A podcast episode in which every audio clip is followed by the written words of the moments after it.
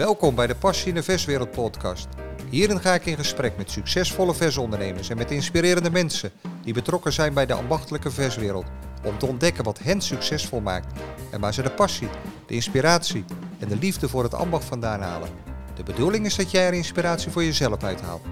Mijn naam is Frans van Erkel, al ruim 25 jaar actief in de verswereld. En ik zou het super vinden als je me na het luisteren laat weten wat jouw inzichten zijn. Veel luisterplezier.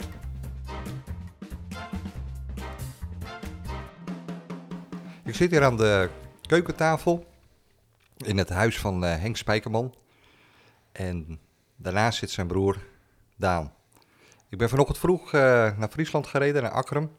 En ondanks eh, de duizend kilometer die er aan file stond en de, de sneeuw, de natte sneeuw die ik had onderweg, was ik toch redelijk op tijd, rond 10 uur in Friesland. En we zitten nu aan de tafel en we gaan eh, ja, de jongens van Spijkerman eens even bevragen. Rasechte slagers met paplepel ingegoten door vader Henk. En ja, het is echt een familiebedrijf. Ik kom al vele jaren bij jullie eh, over de vloer, hè, voordat ik eh invalide werd, waar ik de decoratie altijd verzorgde.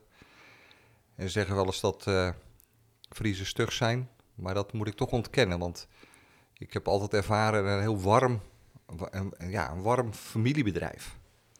En eh, ja, weet je, ik reed altijd graag naar Akkerum. En eh, ja, nu mag ik bij jullie de podcast opnemen. Vind ik heel leuk. En, maar goed, niet iedereen, die kennen jullie misschien. Ik kan me bijna niet voorstellen. Maar goed, Henk, wil jij je even in het kort voorstellen? Eh, ja, zeker wil ik dat, eh, Frans. Ik ben eh, Henk Spijkerman, 37 jaar. Werkzaam vanaf mijn 15e al in het slagersvak, officieel. Daarvoor vaak mijn vader geholpen in de worstmakerij, helpen met allerhande klusjes. Eh, en onderhand derde generatie slager. Ja, ja. Bedrijf op, opgericht door onze opa. Ja, daar gaan we het zo even over hebben. Hè? Ja. En Daan, Ik ben Daan Spijkerman. Ik ben eh, 33 jaar op het moment. En vanaf mijn 18e werkzaam in de winkel. Dat ik ook echt de keuze heb gemaakt om slager te worden. Daarvoor eh, werden de werkzaamheden ook al verricht. Alleen dan eh, zaten we nog in de ontkenningsfase. Ga ik het wel of ga ik het niet doen? Ja. Nou, uiteindelijk, eh, je hebt het al gezegd, het is met een paplepel ingegoten. Eh, dat krijg je er ook niet uit. Nee, nee, nee. Want ik kwam, denk ik, ik zat even te rekenen. Ik denk dat ik. Ik heb toen van Jorcedes die eh, decoratiebedrijf overgenomen. Ehm, dus ik denk dat ik toch al zeker 25 jaar geleden bij jullie over de vloer kwam. Ehm, nou, zaten jullie misschien nog ineens. Nou, begon het net een beetje. eh, nee, nog net niet. Jij was 13? Dat je een beetje Eh, begon. eh, Ja, eh, 14,5, een beetje ja, net precies. Ja, 15. ja, ja. Ja. Maar goed, zo lang kennen we elkaar al, eh 25 jaar. Mhm. Ehm, maar goed, eh, het is eh, begonnen bij opa Spijkerman. Ja. Iets over de historie? Eh, opa Spijkerman, eh, een Fries vanuit Sint-Nicolaasga, is hij verhuisd naar Noord-Holland. En daar heeft hij een slagerij, is hij daar begonnen. Eh slagerij is overgenomen uiteindelijk door mijn vader en door onze oom. Door onze vader en onze oom. Dus in de jaren 70, eind jaren 70. En vanaf 1986 zijn wij in Damwoude neergestreken. Dus mijn vader die is verhuisd met het hele gezin, samen met mijn moeder, vier kinderen. En zijn we in Damwoude gekomen. Mijn vader had een iets andere bedrijfsinzicht als mijn oom. Eh, mijn vader wou wat groter, eh, wat meer produceren voor derden. En toen hebben we ja, bijna negen jaar in Damwoude gezeten.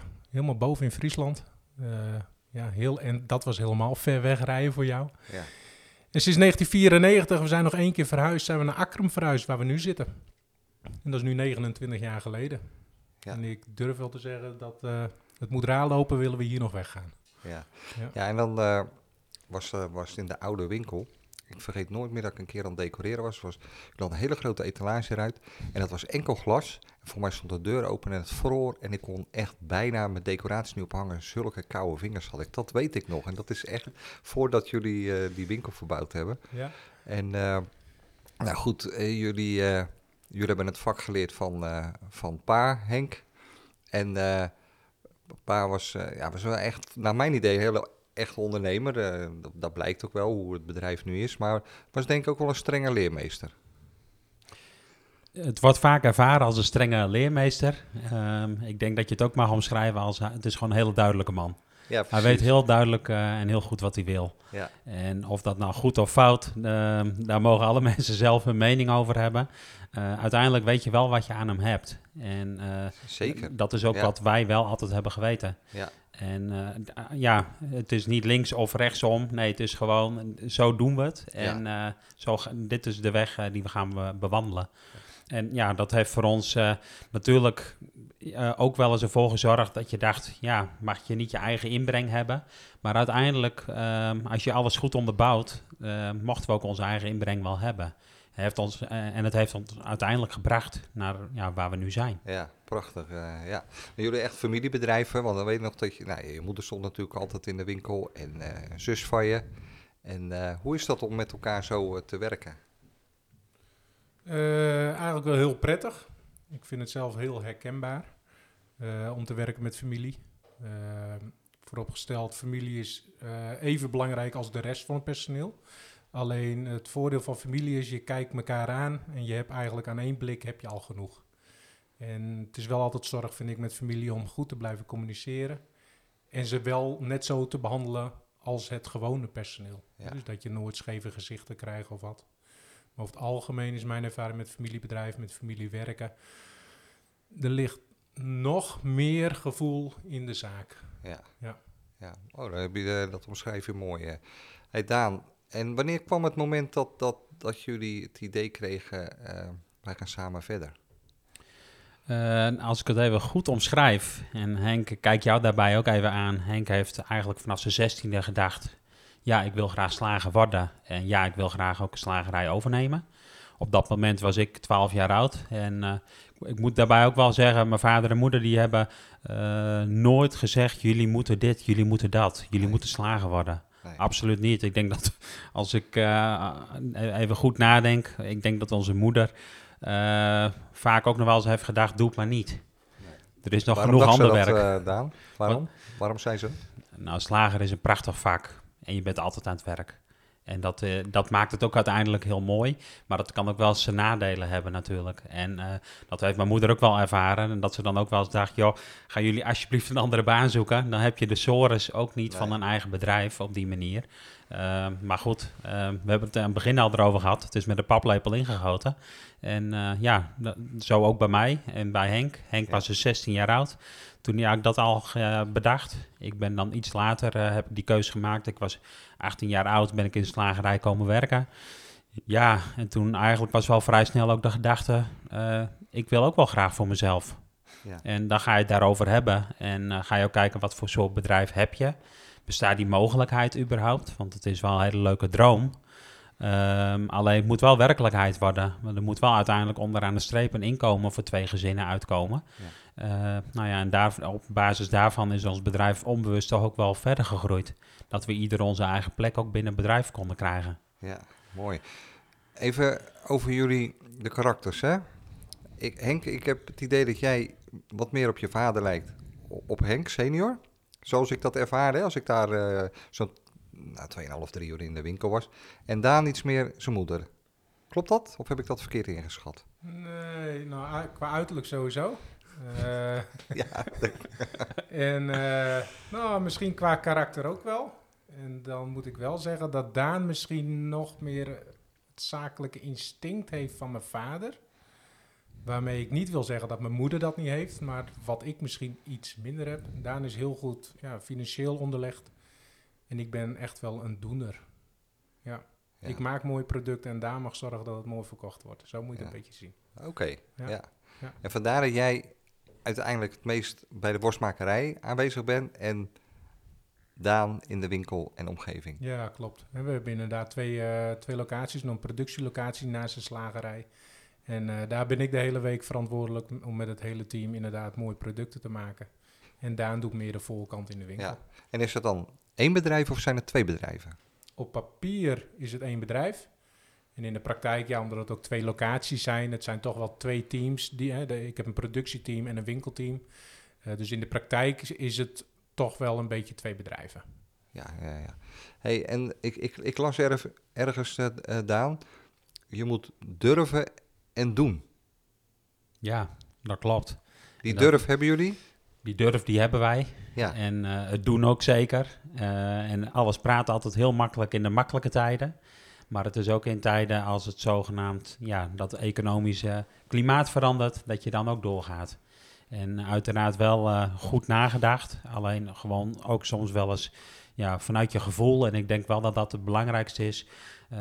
je moet vanuit je gevoel, met passie, ga je aan de slag. Ja. En uiteindelijk moet je daar ook een verdienmodel achter zetten, uiteraard.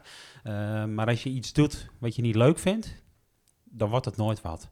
En dat is eigenlijk bij ons wel de complete gedachtegang met alles wat we doen. Uh, ook de afgelopen jaren wel. Je hebt dan een bedrijf wat nou ja, de afgelopen jaren best wel vlot is gegroeid. En dat je ja, soms dan ook wel eens gaat nadenken met producten wat je maakt, wat je verkoopt. Past dit eigenlijk wel bij mij? Uh, inkoop van vlees, past dit wel bij mij? Ja, daar ga je dan over hebben. En uh, ik moet daarbij ook zeggen, daar, we zijn misschien af en toe wel eens totaal verschillende personen, mijn broer en ik. Maar uh, die gedachtegang, die hebben we wel beide hetzelfde. Dus elke keer kijken, past het bij ons? Ja. Ja. Of past het bij de klant? Ja, dat is een moeilijke ja, afweging, ja, toch? Ja, ook wel bij de klant. Maar ik vind vaak wel, als jij zelf ergens heel duidelijk vol voor gaat dan is het net of staat het op je voorhoofd dat de klant dat automatisch ook wel ziet. En wat Daan ook zegt, je moet je gevoel volgen. Ik zeg ook wel eens, volg je hart, want dat klopt.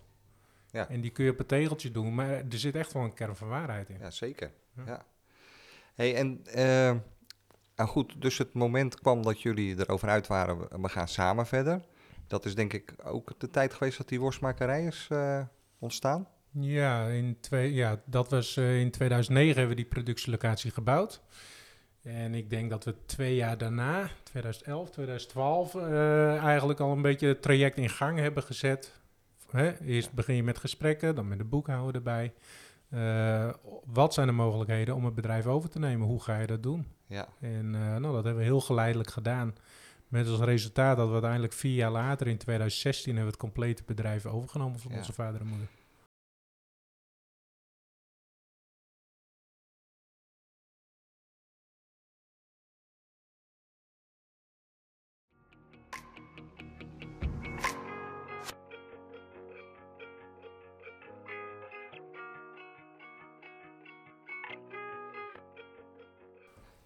Hey Daan, vonden vader en moeder het lastig om een stapje terug te doen? Een stapje terug vonden ze niet lastig. Uh, ze werken ook nog steeds in het bedrijf.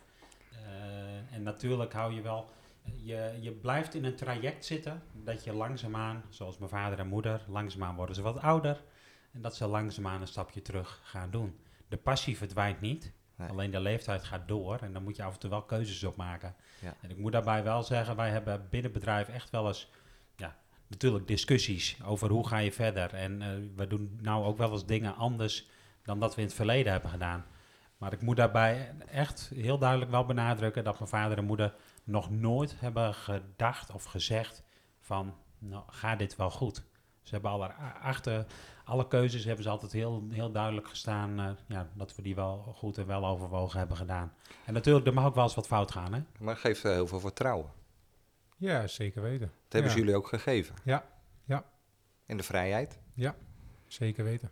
Zijn dat wel tips op bijna voorwaarden als uh, collega's van jullie denken aan uh, het overdoen van hun bedrijf aan de volgende generatie? Ja. Of heb je daar nog extra adviezen voor? Uh, grootste advies wat ik altijd geef zijn er twee. Dat is toch wel net als bij ons, neem er goed de tijd voor.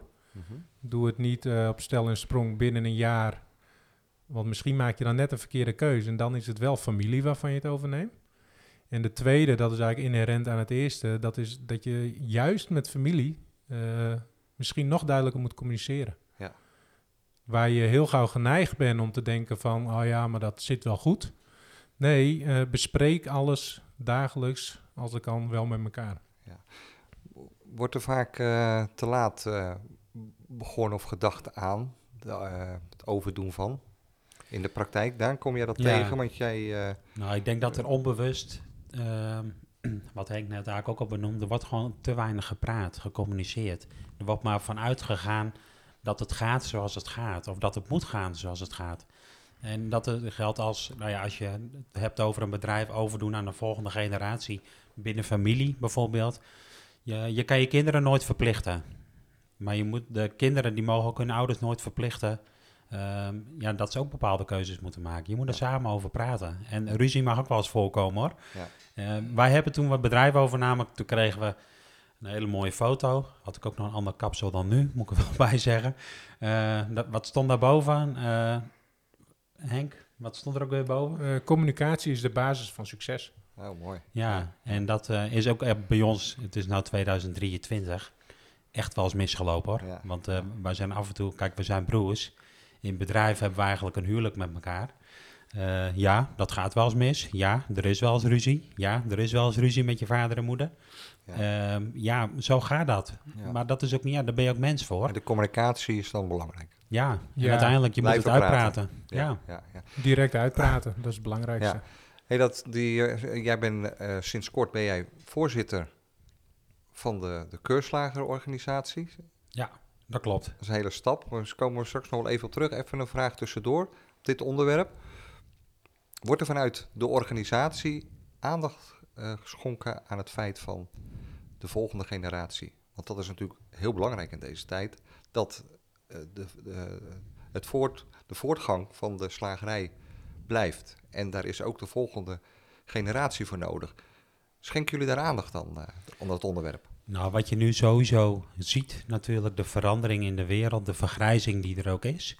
Ehm, dat is natuurlijk ook binnen de vereniging met leden heb je daar ook mee te maken. Eh, nu staat er nog niks op papier voldoende daar volledig aandacht aan te schenken. Maar je moet je ook afvragen als vereniging of wij dat moeten doen. Eh, maar dat weten we nu nog niet. Nee, maar bepaalde adviezen zou natuurlijk goed kunnen. Absoluut. Zeker als, als ervaringsdeskundige. En ik denk ook dat de KNS, eh, die heeft Ja. natuurlijk ook al een hele duidelijke rol, kan die hierin spelen. Ja. En eh, ja, dat je doen ze ook, hè? Dat doen ze ook heel Ja, goed, ja, absoluut. ja. Zeker. Oké, even over die producten. Producten moeten bij jullie passen, maar moeten natuurlijk ook bij de consument eh, passen. Ik las, onze klanten komen uit alle winststreken. We kiezen daarom voor smaken die voor iedereen toegankelijk is. Eh, wat kunnen jullie vertellen over jullie producten?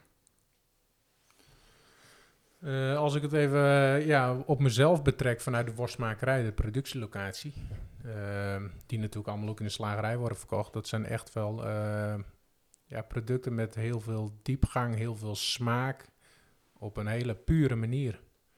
En wat bedoel je daarmee?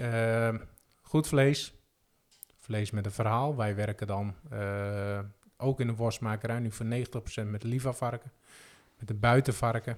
Eh, je kan ervan zeggen wat je wil. Het varken heeft een mooi leven gehad. Het heeft marmering, smaak. En daar maken wij fantastisch mooie worstsoorten van. Hammen. Ja, met heel weinig toevoegingen. Beetje kruiden, beetje zout. Goed Ja. vlees. Veel liefde. Nou, dan krijg je een topproduct. Ja. Ja. Eh, maar hoe komt het dan verder tot stand? Eh, is dat te experimenteren of is dat kijken bij anderen? Eh, hebben jullie daar iemand voor die daar eh, bij assisteert? Nou, we, samen komen we nu tegenwoordig heel veel wel op ideetjes. Dat Daan wel eens vanuit de winkel wat signalen krijgt van... eh, hey, ik heb hier en hier vraag naar, kunnen jullie dat voor ons produceren? Nou, dan gaan we daarmee bezig. Als je nu kijkt, we hebben nou een lijn van 30 verschillende droge worsten die we hebben. En even voor je beeld, toen ik daar begon in 2009, had ik er één. Ja. Dat was alleen de Friese droge worst. Dat is heerlijk trouwens. Ja, maar ik ben daar toen in mijn eentje begonnen in 2009. En eh, eerst met vier dagen productie. Nou, dan denk je vier dagen werken, dat is heerlijk. Hey, drie dagen vrij. Nee, die andere twee dagen, want zo was het toch vaak in de praktijk. Ja, dan ging je testen, ging je experimenteren. Ja, en liet je het ook proeven in de, in de winkel? Ja, ja. Ik liet proeven aan de klant inderdaad, waarvan ik dacht van, hé, hey, ja, die, die vinden hier wel wat van. En wat je dan hier eerst wel merkte, want je, ja, we, we zitten hier toch op platteland, in Friesland. Dan had ik bijvoorbeeld een nieuwe droge worst gemaakt. Mensen die eten hier al jarenlang de Friese droge worst. En dan had ik een nieuwe. En dan vroeg ik aan die klant van, wat vind je hiervan? Nou, zeiden ze, ja, wel lekker, maar ik eh, liever die Friese. Ja, ja. Maar ik zei, dat wil ik niet weten. Ik wil weten, wat vind je echt van deze worst? Nou, dan gingen ze er wat dieper op in. Dan zeiden ze, ja, wel lekker.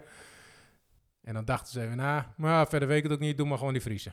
Dus dat heeft best wel wat tijd gekost. Daar zijn het vriezen voor. Ja, en dat is wel een beetje die stugheid wat hier Ja. natuurlijk wel is. En dan moet ik wel zeggen, zomerdag hebben we hier heel veel toeristen. Ja. En dan heb je een hele mooie mengeling van eh, de mensen uit het westen en de Friese. Ja, dat komt dan toch wel met elkaar in contact. En dan eh, ja, een hele mooie mengelmoes aan conditie heb je dan.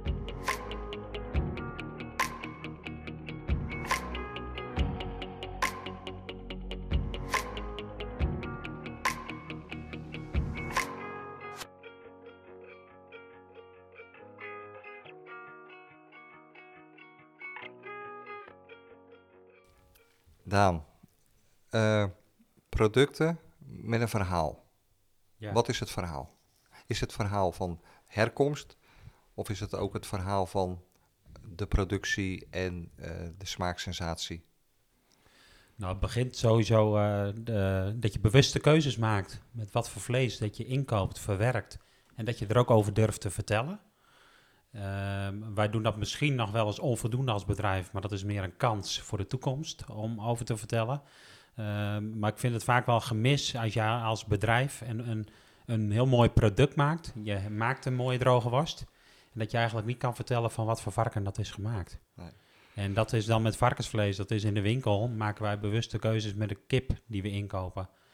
Eh, dat is ook voor 95%. Want je, je kan wel zeggen 100, maar dat is echt een volledigheid.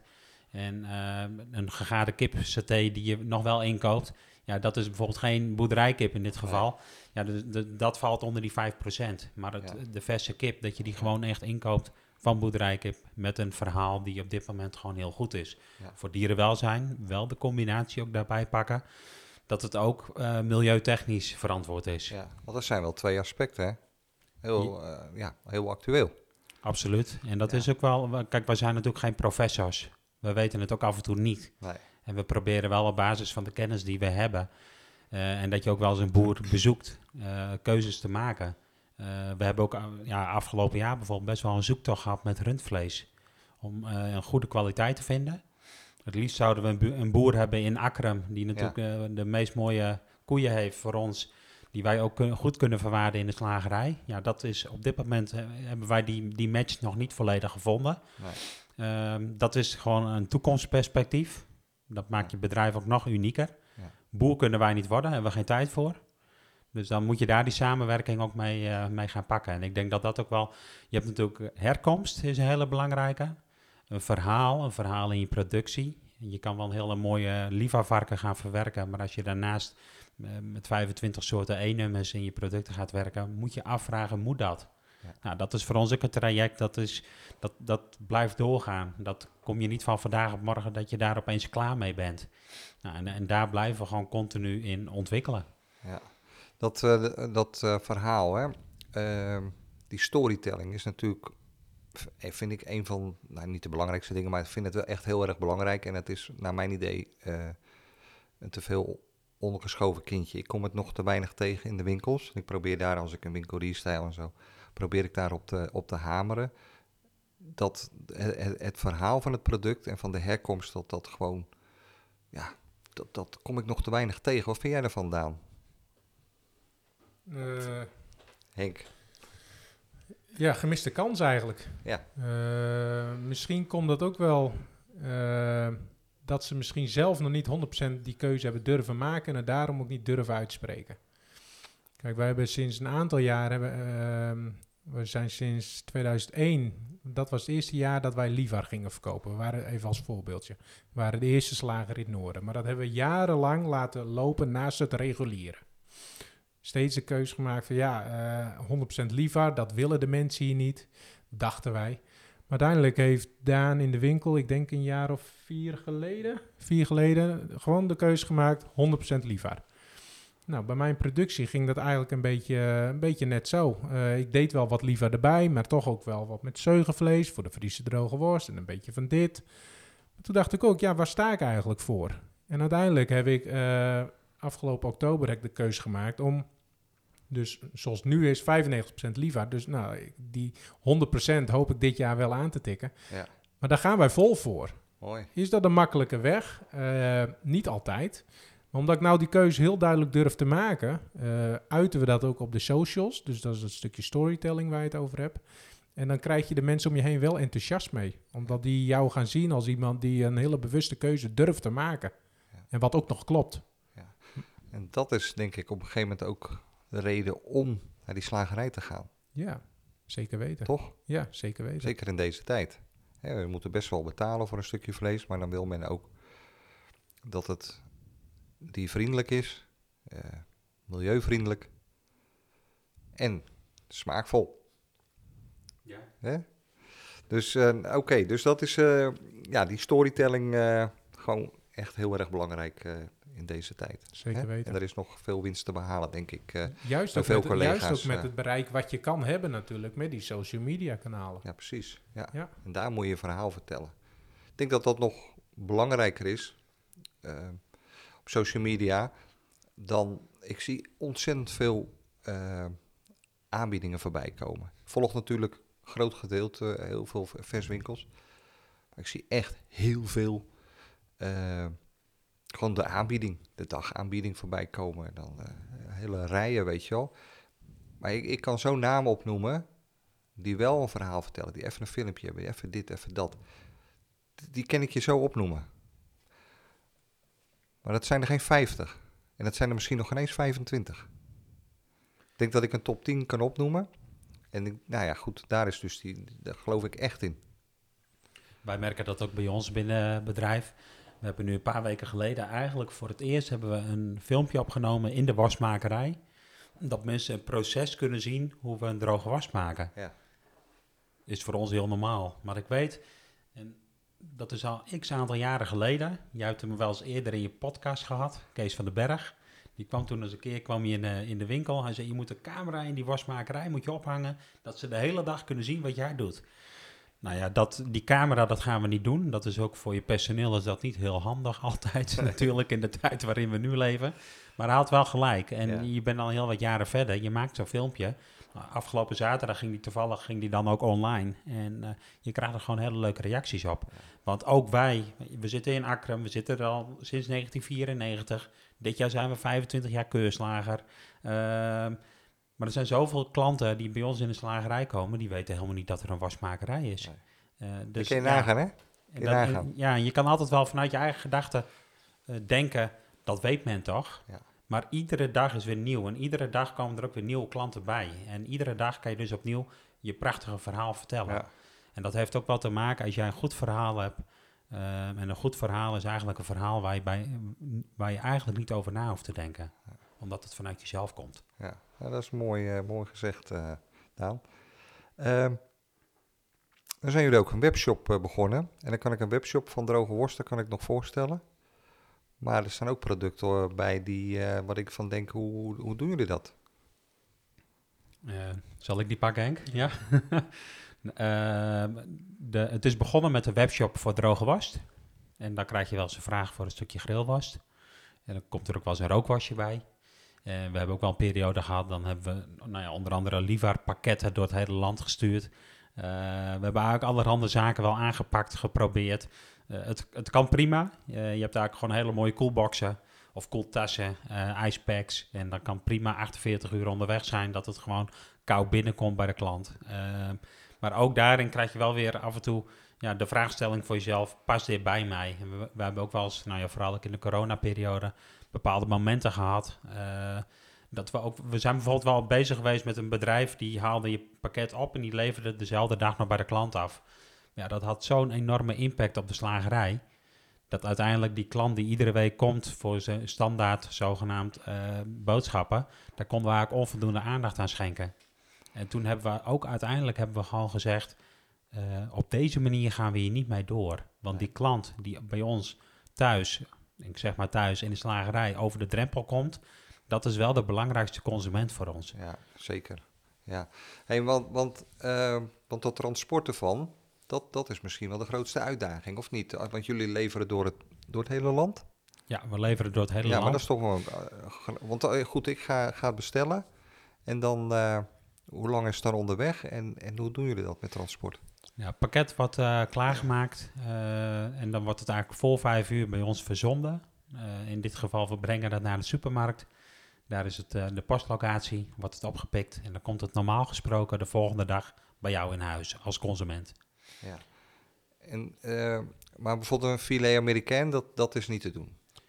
Eh, nou ja, het, het is wel mogelijk. Alleen wat ik wel heel vaak doe eh, met een klant, als hij dat bestelt, bel ik hem even op op voorhand. En dan ga ik even in overleg van, is dit nou nodig?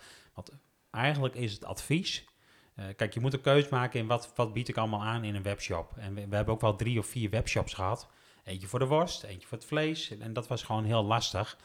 Dus uiteindelijk, eh, vaak gaan we nu in overleg met de, met de klant. Ja.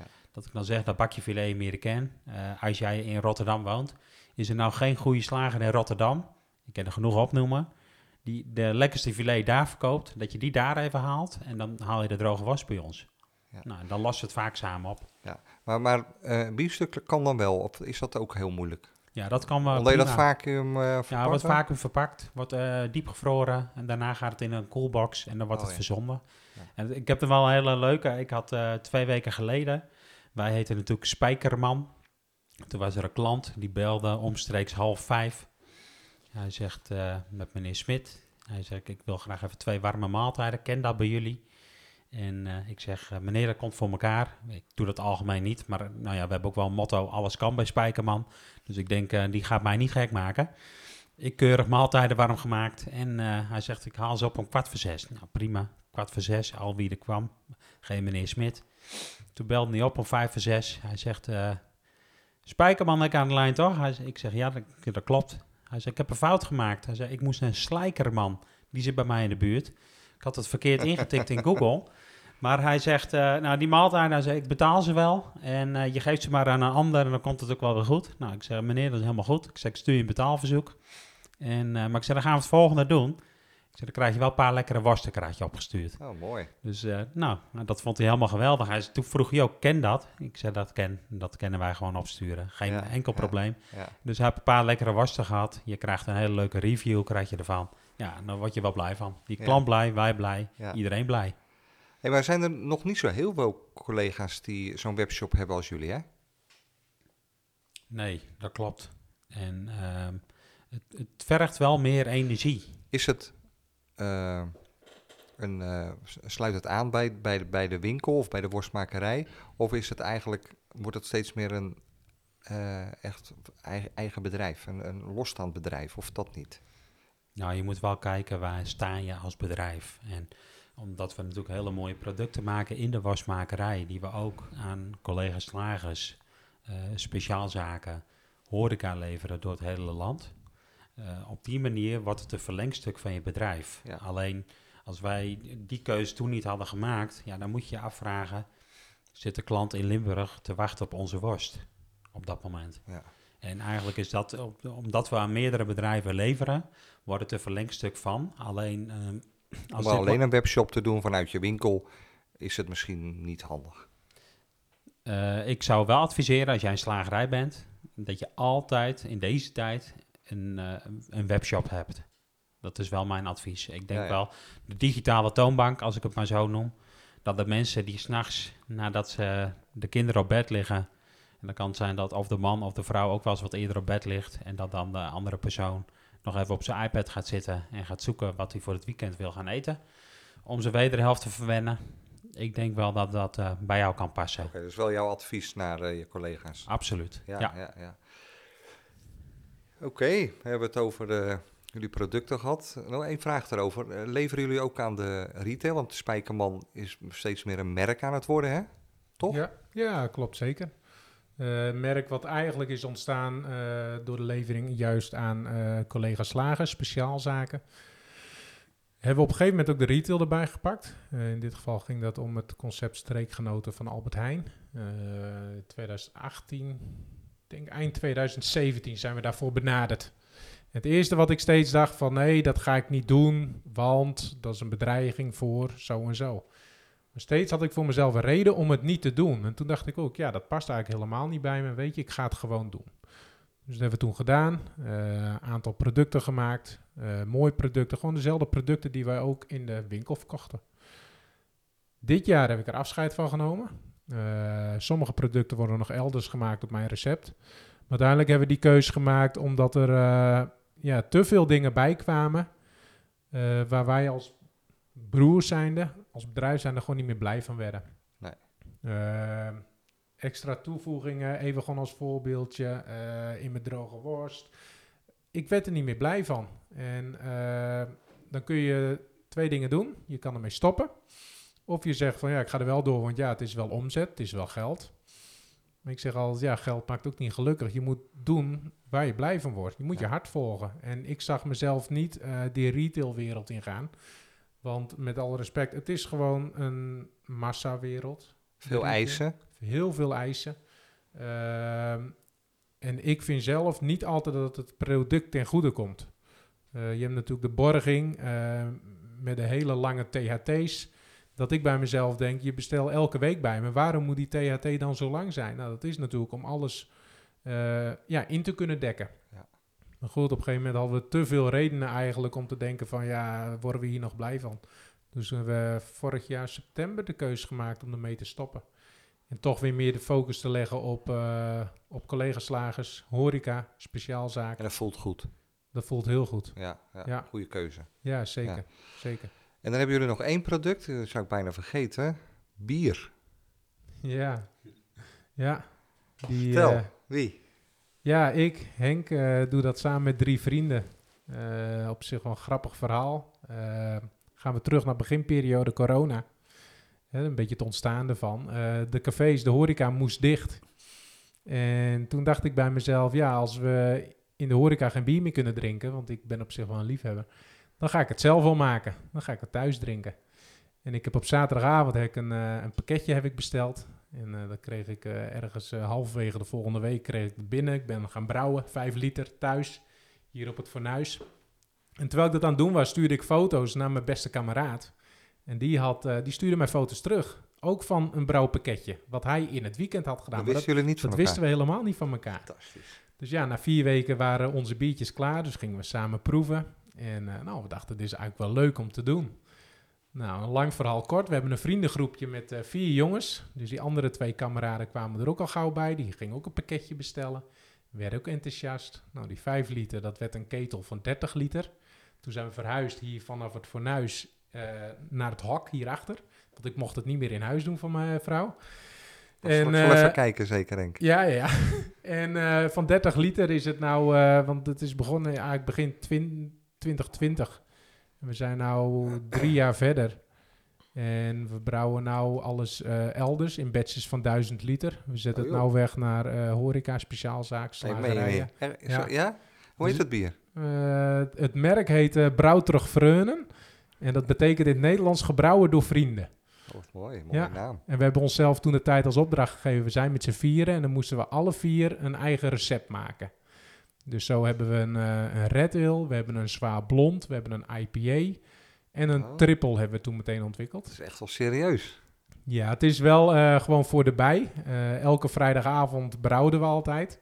Hè, dat is ook begonnen. We begonnen dan op een gegeven moment vrijdagavond boven de worstmakerij. Begonnen om een uur of zeven. En nou, het brouwen duurde meestal tot een uur of één. En daarna gingen we biertjes drinken. Nou, tot, een uur, tot een uur of drie, half vier. En dan ging s'ochtends het wekkertje weer om half zeven. Dan stond ik weer in de winkel. Want jij staat ook in de winkel, denk ik. Ja, op zaterdag sta ik altijd nog in Oh, de ja. winkel. En dan ben jij vrij, Daan? Nee, dan werken wij samen. Oh, Ja. mooi man. Ook al beren gezellig zeker. Ja, zeker. Dat is voor mij een Publiek leuke... van zaterdag, gewoon relaxed, eh, toch? Klopt daar. En het is ook eh, voor de binding onderling ook wel eens. En nou ja, wat voor de laatste tijd, ja, je, het is wel makkelijk. Je werkt dan met elkaar, je kan ook hebben makkelijk dingen met elkaar overleggen. Wij zijn niet personen dat we iedere dinsdagmiddag, 's middags om twee uur, een kwartier met elkaar gaan zitten. Maar als je dan met elkaar werkt, dan kan je wel eh, heel makkelijk ook overleg hebben. Ja, ja. Oké, leuk. Zo zaterdags in, eh, dat is natuurlijk ook gewoon eh, een gezellige boel. Ja, leuke afwisseling, weet je. Door de week sta ik natuurlijk tussen vier muren productie te draaien. En dat vind ik ook prachtig, maar juist op zaterdag het contact met de rest van het personeel, met de dames in de winkel, met de klanten. Ja, dat is gewoon een hele welkome afwisseling. Ja, ja. En, je, en, en ne- nemen jullie ook nog wel een vrije, vrije dag? Want dat lijkt me wel nodig. eh. Ja, ik probeer altijd op eh, woensdag een vrije dag te nemen. Ik moet zeggen, in 9 van de 10 gevallen kan dat ook gewoon. Oké. Maar je hebt altijd periodes, dat weten we in de kerst, eh, met vakanties. Ja, nee, dan loopt het eh, wel eens dat anders. is anders. En jou ook. Jij Dat probeert geldt het voor ook. mij ook idem. En Ja. ja. natuurlijk, ik woon dan naast een slagerij. Ja, en dat hebben we trouwens ook beide. Eh, we starten de dag altijd. Maar daarna dat je wel een moment vrij bent. En ik denk als mevrouw dit nu hoort, dat ze ook wel eens denkt... Nou, zoveel vrij, dat valt ook wel tegen. Mag wel meer. Maar, eh, ja, maar je moet ook wat te wensen houden. ja, ja. precies. Hey, en eh, hoe zien jullie eh, de toekomst van, eh, van jullie bedrijf of bedrijven? Wie begint er? Eh, ik zie hem eigenlijk wel rooskleurig in en ik denk Ja. Daan ook wel. Eh, het is natuurlijk wel een hele bijzondere tijd waarin we nu zitten. eh, met alle perikelen die zijn geweest. We hebben eerst corona gehad. Een behoorlijke periode. Op een gegeven moment was dat weg. Of tenminste, alles ging weer open. En we dachten, nou, nou kunnen we vlammen. En dan krijg je een oorlog. En dan krijg je een energiecrisis. En dan krijg je een beetje verloop van personeel. Hebben Ja. wij ook wel mee te maken gehad. En dan denk je ook, man, man, wanneer hebben we zo'n rustig jaar? Nou, die Is het dan nog wel leuk? Kan je, kan je nog wel die, krijg je nog wel die energie dan met alles wat er is? Hè? Dus de, de, de, de energie eh, en het personeelstekort. eh, corona net gehad. eh hebben jullie hard moeten werken ook. Ja. Ehm, kan je het dan nog volhouden? Heb je dan nog wel de energie om ja, door te zeker gaan? wel hoor, zeker wel. Ehm, tuurlijk heb je wel eens momenten dat je denkt, man, ik stop ermee, ik verkoop de hut. Eh, gewoon even bewijzen van, hoor. Dat heb ik ook wel eens tegen Daan gezegd. Als dit mijn voorland is, ik moet er nog tien jaar doen, dan kap ik ermee. Maar ja, dan denk je een uur later ook alweer, ja, wa- waarvoor ben je ondernemer geworden? Ja. Niet om de makkelijke weg te bewandelen. En ehm, hoge pieken heb je alleen met diepe dalen. En ik denk wel dat dit een bepaalde tijd is. Als we onze vader vragen, die heeft dit ook nog nooit meegemaakt. Ja, we hebben al best wel een goede tijd gehad. Altijd onder het mom van ja, mensen blijven toch wel eten. En dat is ook wel zo, maar ehm, het is toch wel een dure tijd nu met die hoge inflatie. En je merkt dat mensen het één keer kunnen uitgeven. Maar dan nogmaals, eh, als wij zorgen dat wij een hele duidelijke keuze maken voor die consument. En dat is vooral nooit inleveren op kwaliteit. Dan, blij, dan vergeten ze je nooit en dan blijven ze gewoon komen. Ja, dat is een mooi, eh, mooi motto, eh, Henk. En hoe zie jij de toekomst dan? Eh, Eigenlijk zie ik hem wel heel rooskleurig. Ja. En eh, natuurlijk, eh, Henk vertelt net ook de tijd waarin je nu leeft. Nou, die is ook voor ons op dit moment best wel bijzonder, als ik het maar zo eh, mag omschrijven. Ehm, en ik, eigenlijk is, vind ik het wel prachtig mooi. Ja, het is Ja. misschien niet altijd leuk, maar je krijgt er misschien juist wel heel veel energie van. Ja. We hebben, eh, even kijken, in 2021, eind 2021, toen kwamen wij eh, vlak voor de decembermaand in de wasmakerij eh, met een compleet nieuw team te staan, opeens. Nou, dat heeft voor Henk ook echt wel op dat moment even stress opgeleverd. Alleen, ze kunnen ons heel veel afpakken, maar het vak technisch inzicht niet. En de liefde voor het vak ook niet. En wij kunnen altijd, wij zijn eigenlijk onafhankelijk, want we kunnen onze eigen broek ophouden. Ja, en, eh, Dat is wel mooi, hè? ja, dat is eigenlijk wel prachtig mooi. Kijk, als bij ons alle wasmakers weglopen, eh, dan blijven we zelf de wasmaker. En als in de winkel iedereen wegloopt, dan blijf je zelf nog in de winkel. En dat is wel eh, eigenlijk een hele grote kracht van ons. Ja. Wat Henk heeft meegemaakt in 2021, dat gebeurde vorig jaar ook in de winkel. En dat, ik denk dat corona best wel daar een impact op Dat heeft gewoon gehad. personeelverloop... eh jij was opeens alles kwijt, Henk? Nou, twee dames gingen weg. Eh, de, Ja, eerst in de wasmakerij. ja, eerst in de Ja. worstmakerij zeiden die jongens op. De een per 1 november, de ander per 1 december. En als je weet dat ik al een vacature had lopen, juist voor eentje erbij, vanaf april al, en daar reageerde niks op. Ja, dan, ik heb niet veel haar, maar dan denk je wel even van, ja, ik moet wel met mijn handen in het haar, want hoe moet het nou? En eh, Daan die zei toen ook, jongen, het komt wel goed. Ik zei, hoe dan? Ja, dat weet ik ook niet, maar het komt wel goed. En eh, het kwam ook goed. Ik heb twee nieuwe jongens aangetrokken. Vanuit de supermarkt, vanuit de Jumbo. Een, eh, een oudere man met heel veel ervaring. En een eh, jonge jongen. En dat is uiteindelijk achteraf bekeken een fantastische match geworden. Oh, Waardoor het inderdaad goed kwam. Maar die jongens begonnen de een op 1 december, de ander op 6 december. Nou, gelukkig staat bij ons alles beschreven van hoe je dingen moet maken. Hun weten ook wel natuurlijk wat een schouder en wat een kinderbak is. Ehm, en als ik ze dan aanwijzingen gaf, ja, daardoor is het allemaal heel goed gegaan. En vorig jaar had Daan hetzelfde in de winkel. Ging er ook een aantal weg? Ja, we hadden al een, eh, al een vacature open. Eh, we hadden een dame, die was in verwachting. Nou, dus die wisten we, die zouden we ook een aantal maanden zouden die kwijt zijn.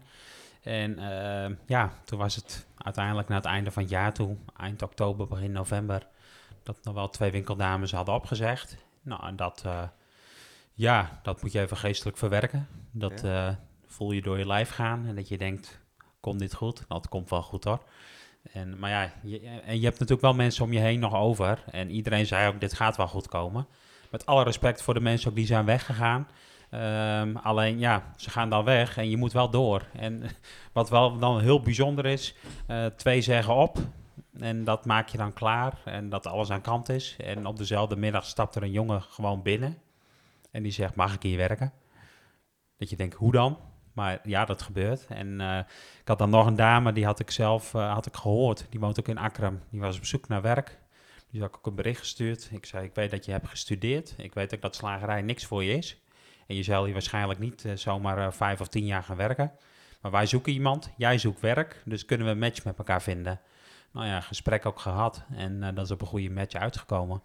En eigenlijk het stukje waar we het eerder over hadden met storytelling. Nou ja, dat gaat, is hij ook meer aan het oppakken. Eh, zo kunnen wij haar kansen bieden op waar ze voor gestudeerd heeft. En eh, Mooie match. eh, eigenlijk uiteindelijk wel. ja. En ik moet erbij wel nu hebben we het natuurlijk over de nieuwe mensen die we dan nou ja, daarbinnen hebben gehaald. Eh, we hebben in augustus hebben we nog een Oekraïense dame aangenomen. Die heeft in dit geval dan ook een aantal maanden bij ons in huis gewoond. Nou ja, die was ook op zoek naar werk. Die werkt ook bij ons in de slagerij. En we hebben daaromheen hadden we natuurlijk wel een team staan. En eh, Ja. ja. eh, uiteindelijk is het hele teamgevoel. Iedereen die heeft wel altijd het gevoel gehad, eh, we gaan hier met z'n allen voor. Ja. Te weinig mensen of niet, maar we maken er wat leuks van. En dat gaat wel goed komen. Gaaf hè, als dat, eh, als dat erin zit. eh waar je ook dankbaar zijn hè. Absoluut. Toch? Ja, Ja, hartstikke. Hey, hoe zien jullie dat dan voor de, verswinkels in het algemeen, Daan? Jij, jij zit nu eh, bij de keurslagenorganisatie als voorzitter, dus je, je, je hoort of ziet misschien eh, wat meer. Ehm, wat, wat, wat denk jij? In het algemeen, hè? dus de slager, de bakker.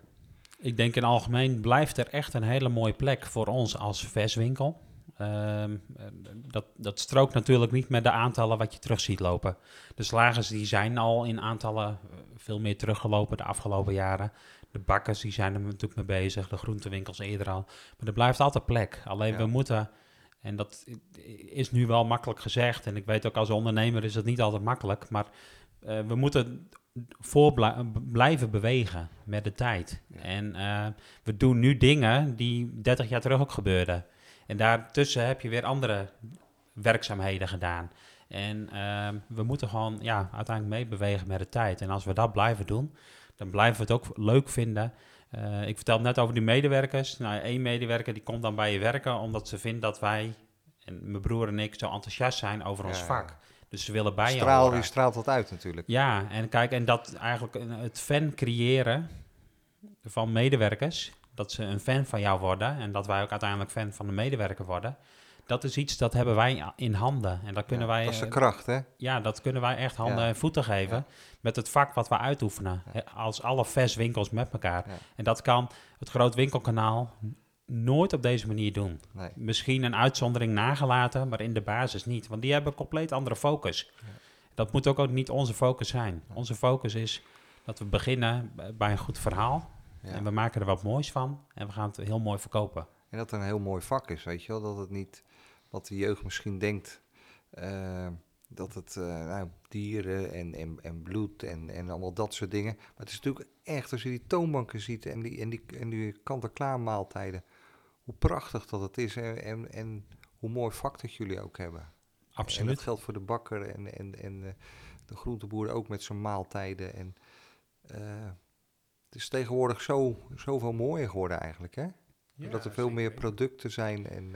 Maar ik sprak laatst sprak ik ook iemand en die vertelde tegen mij... ehm, ik wist helemaal niet dat het maken van, let op, een hamburger... zoveel werkzaamheden Ja. nodig heeft... voordat het ook daadwerkelijk die hamburger wordt. Ja, maar daarom is het zo belangrijk om dat te laten zien. Dat klopt. Ook aan, al- aan de jonge generatie. En ze hebben nu bij de visbrand, ze hebben ze dat boekje uitgebracht, hè? Van, eh, nou ja, vis, eh, vis stinkt, maar of eh, vis stinkt niet.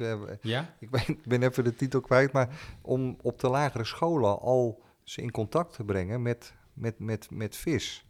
En dat het gewoon heel diervriendelijk is en, enzovoort, enzovoort. Dat, Ja. dat, dat zou bij, bij, bij vlees natuurlijk ook kunnen. Ik denk ook dat wel dat het bij de jongere generatie begint. Want, eh, maar daar heb je wel ook hulp voor nodig. Eh, Henk, voor mijn jouw oudste zoon, die ging toen naar school.